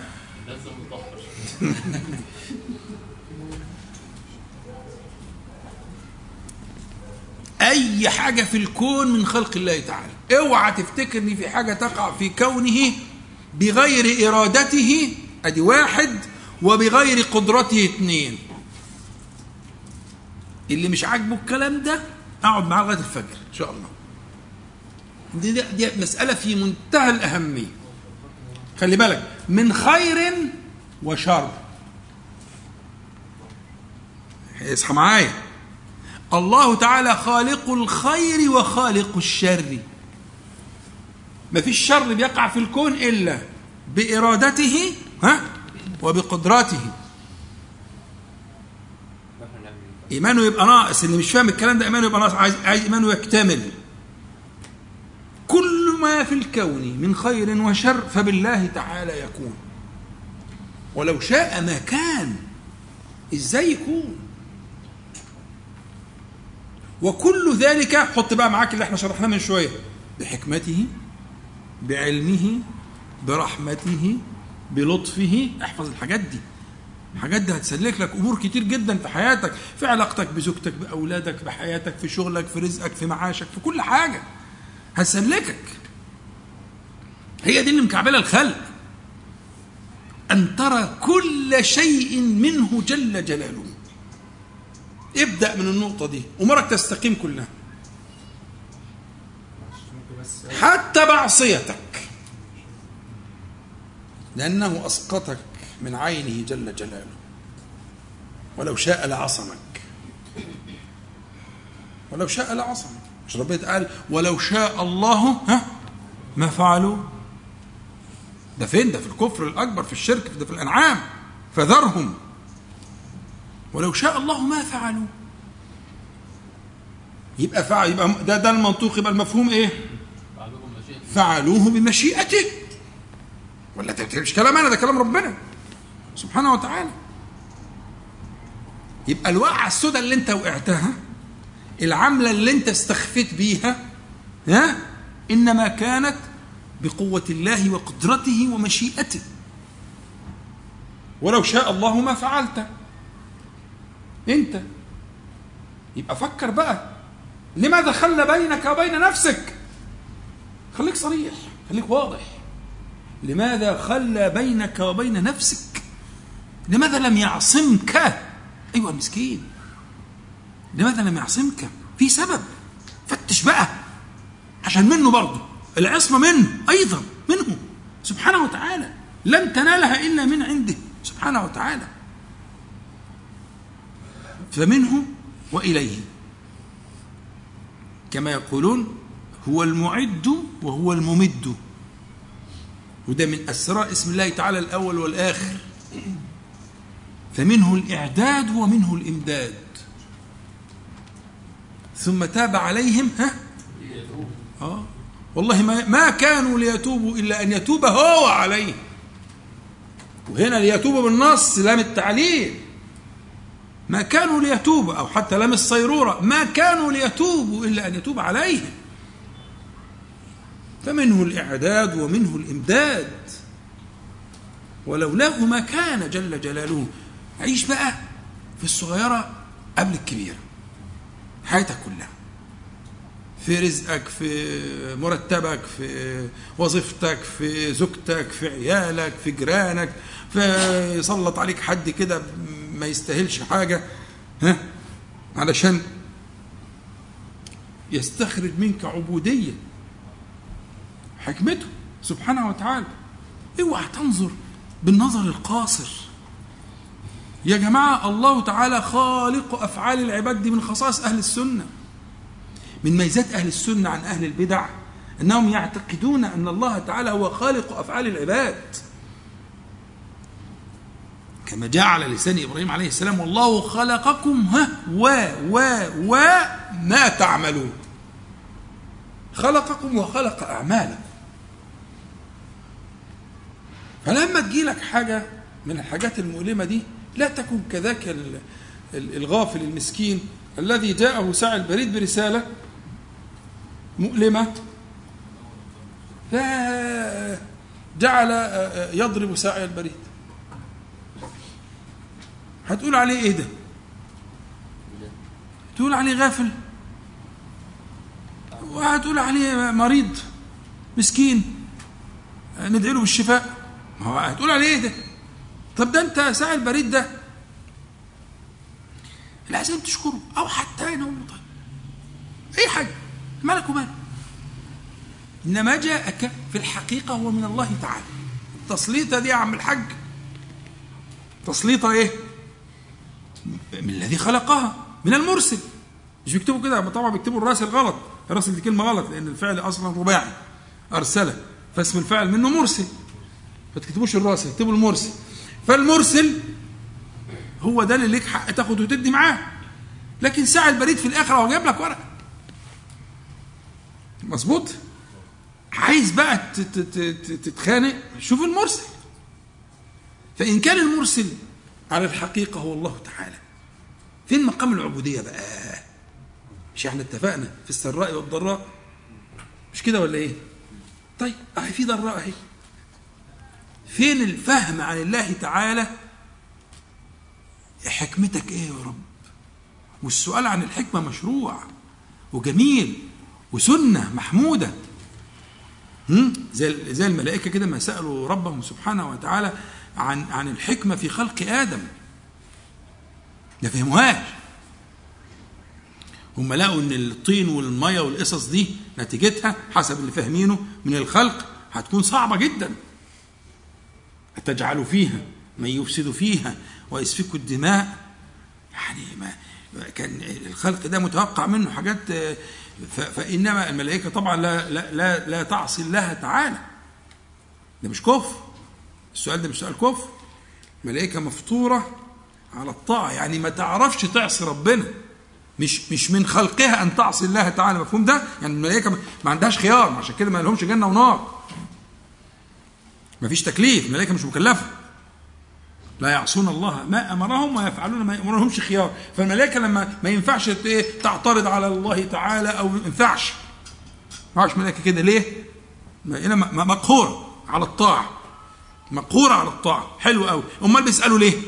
ها؟ بيسألوا على الحكمة. ليه حكمة؟ عشان يشوفوا الأسماء والصفات عشان القضية اللي أنا بتكلم معاك فيها دي.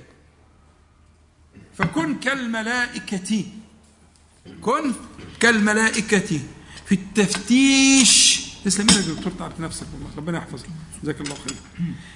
في اثنين في التفتيش عن حكمة الله تعالى. خليك زي الملائكة كده. تعلم منهم. اقتدي بهم. تشوف الحاجة اللي ما انتش فاهمها مستغرب لها متعجب لها. فتش كده ودور. ها؟ واتهم عقلك يا عمي. بلاش تسرع. ما تكونش زي اللي بيقول ليه كده يا ربي. ها ما تقولش كده. ما ينفعش. ما ينفعش تقول ليه كده يا ربي. تقول ما أحكمك. ما أرحمك. ما أحلمك. قول كده. ما ألطفك. قول كده. وفتش وتعلم واسأل واقعد وادرس معايا ومع غيري وهنا وهنا. وفتش عن حكم الله تعالى التي أودعها وكن كيوسف عليه السلام. تأسى بيوسف. مش هقول لك 40 سنة ولا حاجة. مش هقول لك 40 سنة. موسى برضو عليه السلام هو هارون قعد 40 سنة. لما دعا في قصة في, في سورة يونس ها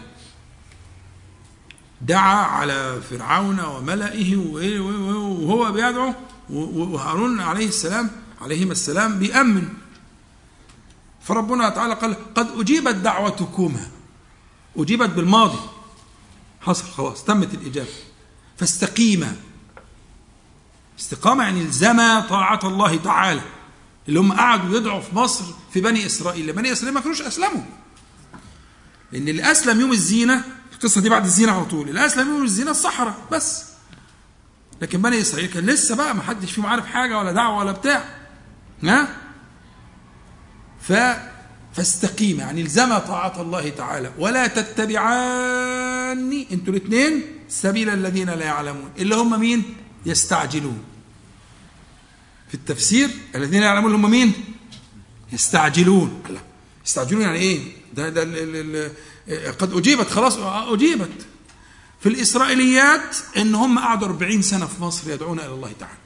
قبل الخروج يعني ما بين ما بين يوم الزينة وما بين الخروج أربعين سنة من الدعوة. وجعلوا بيوتهم قبلة إلى آخر الإية القصص إن شاء الله نبقى نتعرض للحاجات دي في المسلسل اللي إحنا من الإخوة بيجهزوه في موضوع قصص القرآن الكريم. المهم إن هو الشاهد هنا يقال لهم ولا تتبعاني سبيل الذين لا يعلمون. اللي هم مين؟ الذين يستعجلون. يستعجلون على دي على 40 سنة. 40 سنة. من الدعوة والصبر عليها ومن ال ال ال القسوة الشديدة والمطاردات وكان في مباحث وكان في مخابرات وكل حاجة. لأن كانت دولة رهيبة. دولة فرعون دي دولة رهيبة ومتطورة جدا. وفي بعض الدراسات بتقول إن هم بلغوا أشياء لم يبلغها المعاصرون. من التطور والعلم والدقة. حاجات مش عارفين يعملوها دلوقتي, دلوقتي حاليا. حاجات هندسية وحاجات فلكية وحاجات كيميائية وحاجات فيزيائية حاجات فوق الخيال يعني. فكانت دولة متطورة جدا. وظل موسى وهارون أربعين سنة. يدعون إلى الله تعالى ويربون في بني إسرائيل الطائفة اللي هي خرجت معاه. اللي هم خرجوا معاه من مصر وذهبوا بقى وعبروا البحر وتبتدي بقية القصة. بس ده على أربعين سنة. أين كان قلب موسى؟ وهارون عليهما السلام في قوله تعالى قد أجيبت. لما وقفوش كده قالوا فين يا رب؟ ده كتير. أربعين كتير قوي يا ربنا. يا ربنا. لا مش ده مقام الأنبياء والمرسلين. ولا الموقعين عن رب العالمين سبحانه وتعالى. ولا أهل الدين ولا الأولياء ولا الفاهمين ولا المتأملين وأصحاب الشهود للأسماء والصفات. ما يقولوش كده أبدا. إنهم يوقنون أن اختيار الله تبارك وتعالى هو أحسن الاختيار وأفضل الاختيار. يعني أنت لونك أحسن لون ليك أنت. وعقلك أحسن عقل ليك أنت. وصحتك أحسن صحة ليك أنت. ومالك أحسن مال ليك أنت. وأبوك وأمك هم أنسب اتنين في الدنيا كلها ليك أنت. افهم بقى.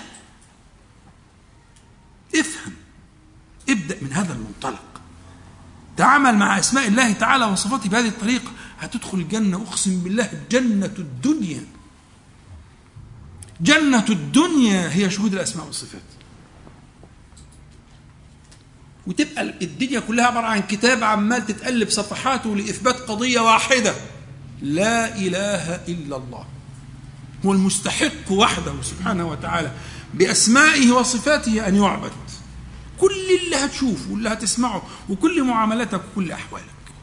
ما ترضاه وما لا ترضاه ما تفهمه وما لا تفهمه ما تؤوله وما لا تؤوله كل ذلك يؤول إلى قضية واحدة. اتصاف الله تعالى بالكمال وتنزهه سبحانه وتعالى عن النقائص بأسمائه وصفاته. وسترى الأسماء والصفات في كل صغير وكبير وفي هذه السورة. وفي هذا الحدث المزلزل المؤلم العنيف ثم تأتي هذه ال ال آه هذه المنظومة البديعة من الأسماء والصفات والتي انتهت بقوله تعالى فعال أيوة. صح موسى؟ آه. فعال لما يريد رغم أنف من أساء الظن بالله تعالى في ذلك فإنها فإنهم حرقوا بإرادته. مش كده بس وقوته. كمان؟ آه ما أقدرهم. والله لو لو ما أراد ما أقدرهم. ولو شاء الله ها ما فعلوه هل حفظتوها بقى. يبقى دي برضه تنطبق على دول. آه تنطبق على الأخدود كله. هو قاعدة واحدة. هي هو رب واحد وأسماؤه وصفاته لرب واحد سبحانه وتعالى. ولو شاء الله ما فعلوه لا دول ولا دول ولا دول ولا اللي عايشين ولا اللي هيموتوا ولا اللي هيجوا كمان ألف سنة. ولو شاء الله ما فعلوه استريح بقى. اتهد بقى. اخزي الشيطان اللي جواك ده. وعي عن الله تعالى. افهم. تفقه في أسمائه وصفاته. آه فعال لما يريد. وبعدين على طول بعدها إيه؟ ها؟ الختام بقى. هل أتاك حديث الجنود؟ افهم بقى. فرعون وثمود. فرعون وثمود الاثنين مجرورين. مجرورين بالفتح. لانهما بدل من الجنود. ففرعون مش مقصود بفرعون بس. فالجنود دي معناها فرعون واللي معاه. ها؟ و- و- وقبيلة ثمود واللي فيها يعني إيه؟ يعني يعني حاجة جيوش يعني وجنود وعلماء و- و- و- وقوة يعني قوة. عشان كده الفتحه اللي فيهم فرعون وثمود دي جاية من البدل لأن الجنود مجرور بالإضافة. تمام؟ وبالتالي هنا البدل هنا معناه جميل. معناها إن فرعون مش لوحده. عشان انت كل ما فرعون تتهيألك اللي إيه اللي غرق واللي موجود في المتحف المصري دلوقتي. لا مش كده. لا لا لا لا. ده فرعون مقصود بيه ال- الهيلمان ده كله. القوة دي كلها. الجيوش والعسكر والحماية وال- والقصور والملك والعلم وال- والجبروت ده ما هم هم تجبرهم من قليل. اوعى تفتكر إن تجبرهم كان من قليل. وأكثر من ذكر من المتجبرين في القرآن هو فرعون. لأن ربما حضارتهم بلغت ما لم تبلغه حضارة أخرى. حتى فتنتهم. أليس لي ملك مصر وهذه الأنهار؟ ها بالك؟ ما مش لعبة. ما هو شايف حاجة مش موجودة في الدنيا. ها؟ فرعون وثمود بل الذين كفروا خلي بالك مش يكذبون. معانا موجودة في سورة تانية يكذبون. هنا في تكذيب. عارف إيه؟ إن الإنسان لفيه خسر. كلمة فيه يعني ظرفية يعني كأنه منقوع. كان في برميل تكذيب وهو منقوع فيه. ففي تكذيب دي أقوى في الدلالة وأنسب للسياق عندنا من يكذبون. هم؟ يبقى معناها إن منقوعين كده فكأن التكذيب صار ظرفا وعاء ظرفا لهم. يعني الكذب مختلط بالدماء وال- وال- والأعصاب وبكل شيء. خالطهم. هذا التكذيب. في تكذيب. يبقى السياق ماشي. هنا بقى عشان يردك. فوق لنفسك. راجع التاريخ شوف الآيات؟ هل أتاك أحد؟ نعم أتاني. فرعون حصل لهم إيه؟ بل الذين كفروا في تك... والله من ورائهم. آه خلي بالك بقى دي. من أجمل الأسماء والصفات اللي جت في السورة دي دي صفة طبعا مش اسم. من أجمل الصفات اللي جت في السورة دي للمناسبة للحال اللي إحنا فيه. اللي هي الإحاطة من ورائهم. يعني تحت السيطرة بالبلدي كده. يعني ما فيش حاجة خارجة عن القدرة عن العلم. العلم محيط والقدرة تامة. ما فيش حاجة خارجة. والله من ورائهم. إنما فعلوا ذلك بقدرتنا وفي إحاطتنا. فإياك أن تشك وإياك أن تضعف؟ فانتبه إنما كان ذلك بنا. والله من ورائهم محيط من وراء المجرمين من وراء فرعون وثمود وبتوع الأخدود واللي كانوا واللي هيكونوا واللي كائنين وإلا ليوم القيامة. وحكمته كده ولغاية آخر الزمان هم كده. يعني هو في زمان هيبقى ما فيش شر؟ ما حصلش. ومش حاصل ومش هيحصل. حكمته كده. والمداولة رايحة وجاية. ولولا دفع الله الناس بعضهم ببعض. المدافعة. وتلك الأيام نداولها بين الناس. آيات كتير في القرآن تحكي أن ذلك لا بد من حصوله هذه المداولة هذه المدافعة. مرة فيه ساعة لها عبودية. مرة في ضيق له عبوديته مرة في قوة مرة في ضعف. مرة في نصر مرة في هزيمة. وكل ذلك بعلمه وقدرته وإحاطته سبحانه وتعالى وحكمته ورحمته ولطفه. كل ذلك بهذه الأسماء والصفات فكن على ذلك. وسيأتيك هذا وسيأتيك ذاك? والله من ورائهم محيط. بل هو قرآن مجيد. يعني الكلام اللي جالك ده كله متصف بالإيه؟ بالوصف ده. الكلام ده من القرآن. فالقرآن مجيد والعرش مجيد والله تعالى هو المجيد وكل ما القرآن ده كلام الله تعالى صفة من صفاته سبحانه وتعالى فهو متصف بصفات الله تعالى لأنه كلامه سبحانه وتعالى. تكلم به كيف يشاء. ها؟ فهو المجيد. قرآن مجيد. في لوح محفوظ. يعني يعني إيه؟ يعني ده قد فرغ منه. جفت الأقلام بما هو كائن إلى يوم القيامة. أنت الآن في حال الاختبار والموضوع خلصان. إحنا كل اللي قاعدين بنقلب الصفحات. الورقة مكتوب يا جماعة. والله العظيم مكتوب. خلصان. كله خلصان. بس بالعلم. خلصان بالعلم مش بالقهر والجبر. لأن علمه محيط لا يحيطه زمان فهو خالق الزمان. فيعلم ما هو كائن وما يكون وما هو كائن ليوم القيامة. فالمسألة خلصانة. إحنا قاعدين بنقلب الصفحات. مرور الليل والنهار والأيام والدهور هو كشف للمستور. مرور الليل والنهار والأيام والدهور هو كشف للمستور الموجود. فيبقى الإنسان على وجل ويجتهد. قالوا ففيما العمل إذا يا رسول الله؟ صلى الله عليه وسلم.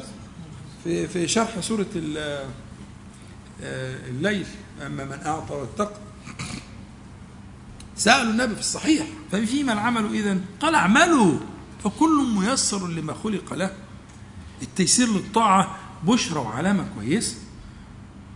احمد ربك عليها سبحانه وتعالى واعمل. فكل ميسر ميسر يعني ميسر للعمل. فالعمل أمارة وعلامة ودليل على ما أراد الله سبحانه وتعالى. ومنه الدعوة إليه. ومن العمل بل هو من أجل العمل وأفضل العمل أن يستخدمك الله تعالى أن تكون داعيا إليه. يعني المعاني اللي إحنا بنقولها دي عايز تعود لسانك عليها تحكيها لنفسك لأهلك لولدك لإخوانك لأصحابك لزملائك لجيرانك. يعني عود لسانك أنك تحكي ببساطة وبسهولة وبيسر على مسألة شهود الأسماء والصفات وأن تعبد الله تبارك وتعالى بأسمائه وصفاته في القليل والكثير في الأحوال في المجريات في نزلت لقيت الكوتش العربية مهوي. عربية مخبوطة. دمك اتحرق غليت مين ابن اللي فيش تت تت؟ يا عم اهدى. في حاجة أهم من كده. ماشي روح بالمحضر في الاسم حر. بس مش القضية. مش هي دي القضية والله. دي رسالة. افتح الجواب واقرأ بهدوء اهدى واقرأ الجواب ده. خلاص؟ افهم. الواد كسر فازة ثمنها مش عارف قد إيه. حرق جهاز في البيت ثمنه مش عارف قد إيه. كسر شاشة الموبايل اللي انت عمال تحوش داخل جمعيات عشان تجيبه ومش عارف إيه. حط فيشة مش عارف إيه في إيه فولع إيه. ها اهدى افهم. واد إيه وبتاع إيه. ماشي هناخد بالأسباب ونبقى نعلي مش عارف إيه ونحط فيها شيء ونثبت إيه. كل ده ماشي ده ارتفاق. كل دي أشياء ارتفاقية. ربنا بيرتفق يرفق بنا سبحانه وتعالى ارتفاقا عشان نفهم ده. لكن خلي بالك إن ده حصل بحكمة. اقرأ بقى وافهم. وراجع نفسك وفتش. ولو خرجت من العلقة السخنة دي بما قربك من أسماء الله تعالى وصفاته فاعتبرها نعمة. أعيد كمان مرة. لو خرجت من العلقة السخنة دي اللي لسعتك وكوتك بما كشف لك من أسرار أسمائه وصفاته ما لم يكن قبل ذلك فتبقى بقت نعمة. ليه؟ كل من عليها فان. ما انت سايب ده كله. أو هو ممكن يسيبك. يا تسيبه يا يسيبك لكن في فراق حتمي. في فراق حتمي. هتسأل على إيه؟ ازعل على الباقي مش على الفاني. إيه اللي ترحل؟ ما الذي ترحل للآخرة من ذلك؟ آه صح أنا معاك. نبكي أنا وأنت على ما لم يرحل على ما ذهب إلى الفاني ولم يرحل إلى الايه إلى الباقي. لك حق ساعتها اسال خلاص؟ أنا طولت المرة دي معلش سامحوني بس غصب عني بصراحة. لا أصل ده ده ده ساعة ساعتين اللي فاتوا. وبعدين ياسر شديد عليا مش طيب. نسأل الله تعالى أن ينفعنا جميعا بما قلنا وما سمعنا أن يجعله حجة لنا لا علينا يا رب العالمين. اللهم صل على محمد. انزلوا المقعد المقرر من القيامه والحمد لله.